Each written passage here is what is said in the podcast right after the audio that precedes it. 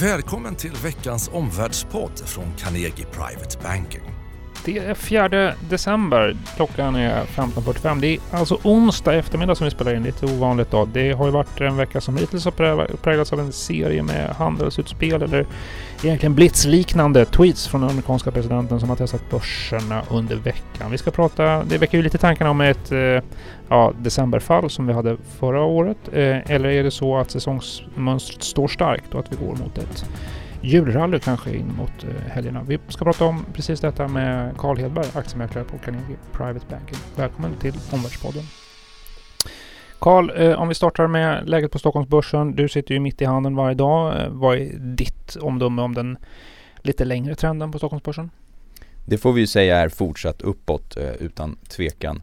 Och det är ju delvis drivet av då förhoppningar om att eh, framförallt handelskonflikten ska komma till någon form av lösning, åtminstone någon, någon dellösning här. Och, och sen får vi väl säga att det är väl också drivet av en rädsla från investerare att man, man missar den här uppgången. Man kanske inte har varit med fullt ut och fortfarande har pengar på, på sidlinjen utanför marknaden. Just det. Jag var ju på det i ingressen något att vi minns ju utvecklingen för december, framförallt över julhelgerna var det då. Eh, det var en turbulens. Eh, vi har sett en viss turbulens i den här veckan. Eh, är det, kan det vara starten på en, en, liknande nedgång som för ett år sedan eller finns det motverkande krafter? Jag tror inte att, det, att vi kommer ha en upprepning av förra året. Och dels är väl det beroende på att vi hade ju betydligt högre räntor då som, som som påverkade på ett annat sätt. Och sen tror jag att med, med den här nedgången i färskt minne så kommer köpare komma in betydligt tidigare den här gången. Så att nej, jag tror inte att vi har en, eh, en upprepning eh, av det. Nej, eh, inget scenario med ett mm, fall så att säga på börserna för att pröva ytterligheterna ser det utrymme att vi går mot det som ibland kallas för ett Santa Claus rally, ett julrally, en bra spurt och stark avslutning på året. Lite förhoppningar hade man eh, faktiskt kunnat haft på det här nu senaste tiden när det har varit ganska lugnt med nya utspel från Trump. Men sen kom det ju igång igen här nu för, för, för ett par dagar sedan då.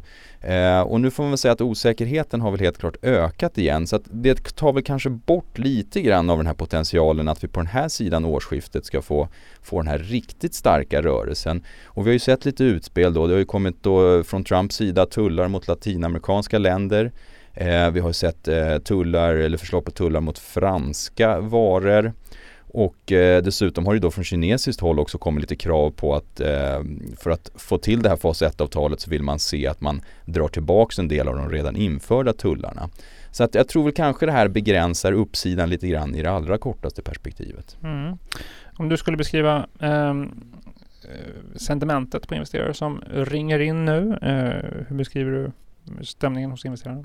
Jag tycker det fortsatt, fortsatt är optimistiskt eh, och det är nog mycket drivet av den här stigande trenden som vi har haft sedan slutet av sommaren.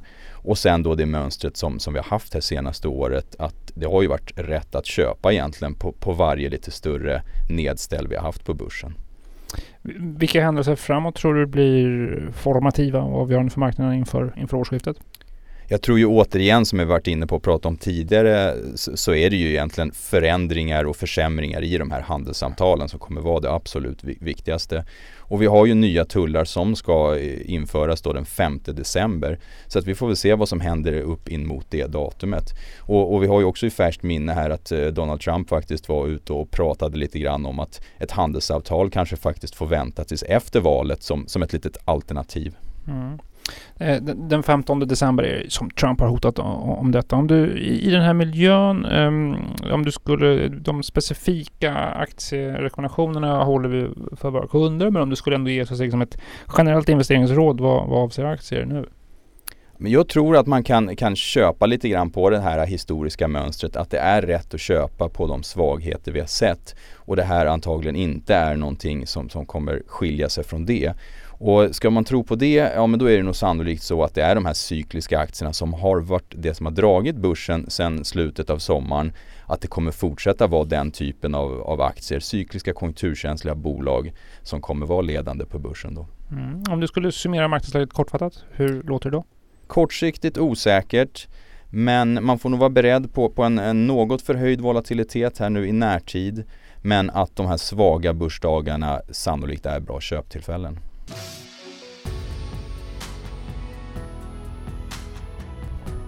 Om vi går vidare då och eh, blickar över på makrosidan så eh, till det som har bidragit i, veckan till en del globala rörelser var ju också eh, ledande konjunkturindikatorer. Det var inköpschefsindex som föll in som negativa överraskningar eh, och möjligen då en indikation på, på svagare tider. Inköpschefsindex från USA var det. Hur, hur, vad är din bild? Hur, hur illa var den indikatorn?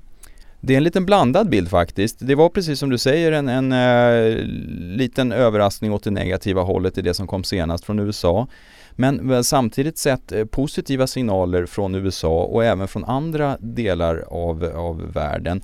Så att majoriteten faktiskt av de här indikatorerna har visat på en viss förbättring eller åtminstone en, en inbromsning på den här försämringen.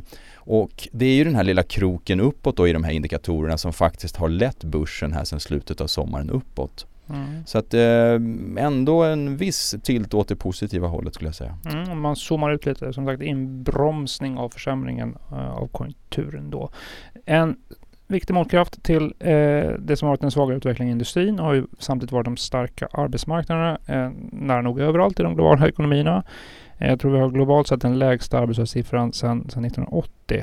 Eh, i, I det läget som den globala ekonomin befinner sig, vad, vad tittar du på som särskilt vägledande för vart konjunkturen tar vägen? Jag tror det är precis som du var inne på där arbetslösheten är jätteviktig att hålla koll på eh, så att vi inte börjar se några tecken på svaghet där. Och dessutom då att den här äh, svagheten som faktiskt har synts i industrin, att den inte sprider sig till tjänstesektorn tror jag också är en viktig äh, indikator att hålla koll på. Mm. Riksbanken har möte nästa vecka, nästa torsdag. Har vi sett eh, något om... Ja, vi har ju sett ett omslag vad gäller kronan. Kronan har gått lite starkare nu. Eh, vad, vad, är din bild? Vilka bolag som i det konjunkturläge vi är och tillsammans med kronförstärkning då påverkas mest av det? Ja, men vi har ju sett att den här uppgången som vi har haft här under hösten har ju varit driven av, av de exporttunga eh, bolagen som har gynnats av den svaga kronan. Och det är klart att ska vi få en krona som stärks så kommer det vara negativa för, för, för de här bolagen. Men å andra sidan om den här kronförstärkningen då är drivet av en, en högre riskvilja och då faktiskt en viss förbättring av de här indikatorerna som inköpschefsindexerna så kommer nog den positiva effekten vara mycket större än den negativa effekten av en svagare svensk krona. Så att det borde inte behöva skälpa eh, vidare börsuppgång. Tre veckor kvar av året. Vad är din korta sammanfattning av makroläget? Förnyad osäkerhet eh, men sannolikt en hel del drivet av olika förhandlingsknep och utspel. Och det här är både från amerikanskt och kinesiskt håll. Eh, och i grund och botten så har vi faktiskt sett tecken på att eh, ekonomiska indikatorer börjar se lite bättre ut. Tack Kalle! Eh, vi avslutar med en uppdatering om handelssituationen som ju har drivit marknaderna i eh, veckan. De tweets från den amerikanska presidenten är en påminnelse om något som vi borde ha lärt oss. När Trump eh, är pressad så återvänder han gärna till tullar på import på, från omvärlden. Det är förslag som är populära hos basen och ett aggressivt och oförutsägbart uppträdande ska också ge ett önskat förhandlingsresultat. Eh, den amerikanska presidenten är pressad. Han känner sig testad i förhandlingarna med Kina som höjt insatserna och vill att amerikanska tullar rullas tillbaka. Han är pressad inhemskt av riksrättsprocessen och han är möjligen också pressad inför mötet med den franska presidenten på NATO-mötet i, i, i, London i veckan. Det här i sin tur testar naturligtvis börsen som ju har diskonterat en vapenvila, att man inte skojat höjderna mellan USA och Kina. Diskonterat också en viss tillbakarullning av tariffer som infördes 1 september. Så utgå från en viss volatilitet fram till den den 15 eh, december. Marknaden är sårbar för negativa handelsnyheter. Det mest besvärliga scenariot är ju förstås att USA inför ytterligare tullar just den 15 december. Vad gäller just ett möjligt fas 1-avtal mellan USA och Kina så tror jag är viktigt med insikten att det här är inte avgjort. Det är inte säkert att det här går igenom. Det är inte deal done i detta. Den amerikanska handelsrepresentanten Robert Leitzinger för, ska föreslå för Trump eh, ett förslag på agerande.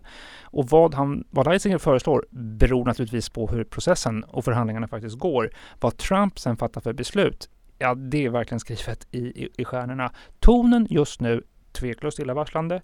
Titta framåt efter möjliga datum om när man ska skriva under eller komma överens eller träffas i, i, i mellan USA och Kina i den här processen. Titta också efter en nyckelfråga och det är eh, frågor kopplade till kinesiska Huawei som är en, en sten som måste komma passeras. Det, är, det är en stötesten som måste passeras i förhandlingarna. Eh, vad gäller USA och Europa så kommer den handelsfronten tillbaka i, i veckan. Huvudstäderna i Europa vill med stor sannolikhet undvika en eskalering av ett handelskrig som slår mot ekonomin i ett känsligt läge. Samma intressen för USA som heller inte vill öppna en front mot USA i ett känsligt läge i ett valår.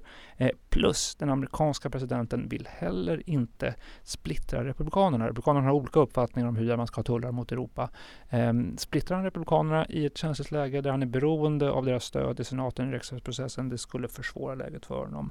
Eh, det finns legala möjligheter för den amerikanska eh, presidenten att spela ut kortet som är besvärligt eh, för Europa och för marknaden. Detta kort med biltullar. Samtidigt många faktorer som bromsar just detta. Ehm, Bland annat de som jag, som jag nämnde. Men förstås negativt om bara hotet eller frågeställningen åter kommer upp på agendan inför 2020. Okej, veckans tre slutsatser i Omvärldspodden. För det första, var beredd på höjd volatilitet i närtid. De svaga börsdagarna är bra köptillfällen. 2. Inbromsningen av den makroekonomiska försämringen fortsätter. Flera ekonomiska indikatorer börjar faktiskt se bättre ut. Och 3. Marknadens mardröm nu. Det är en ny våg av amerikanska tullar mot Kina den 15 december. Tack för att du har lyssnat på Omvärldspodden den här veckan. Nästa avsnitt det släpper vi torsdagen den 12 december. Tack för att du har lyssnat på Omvärldspodden från Carnegie Private Banking. Vill du veta mer om vad som händer i vår omvärld och få aktuella idéer till affärer? Gå då in på www.carnegie.se veckans viktigaste och prenumerera på vårt nyhetsbrev.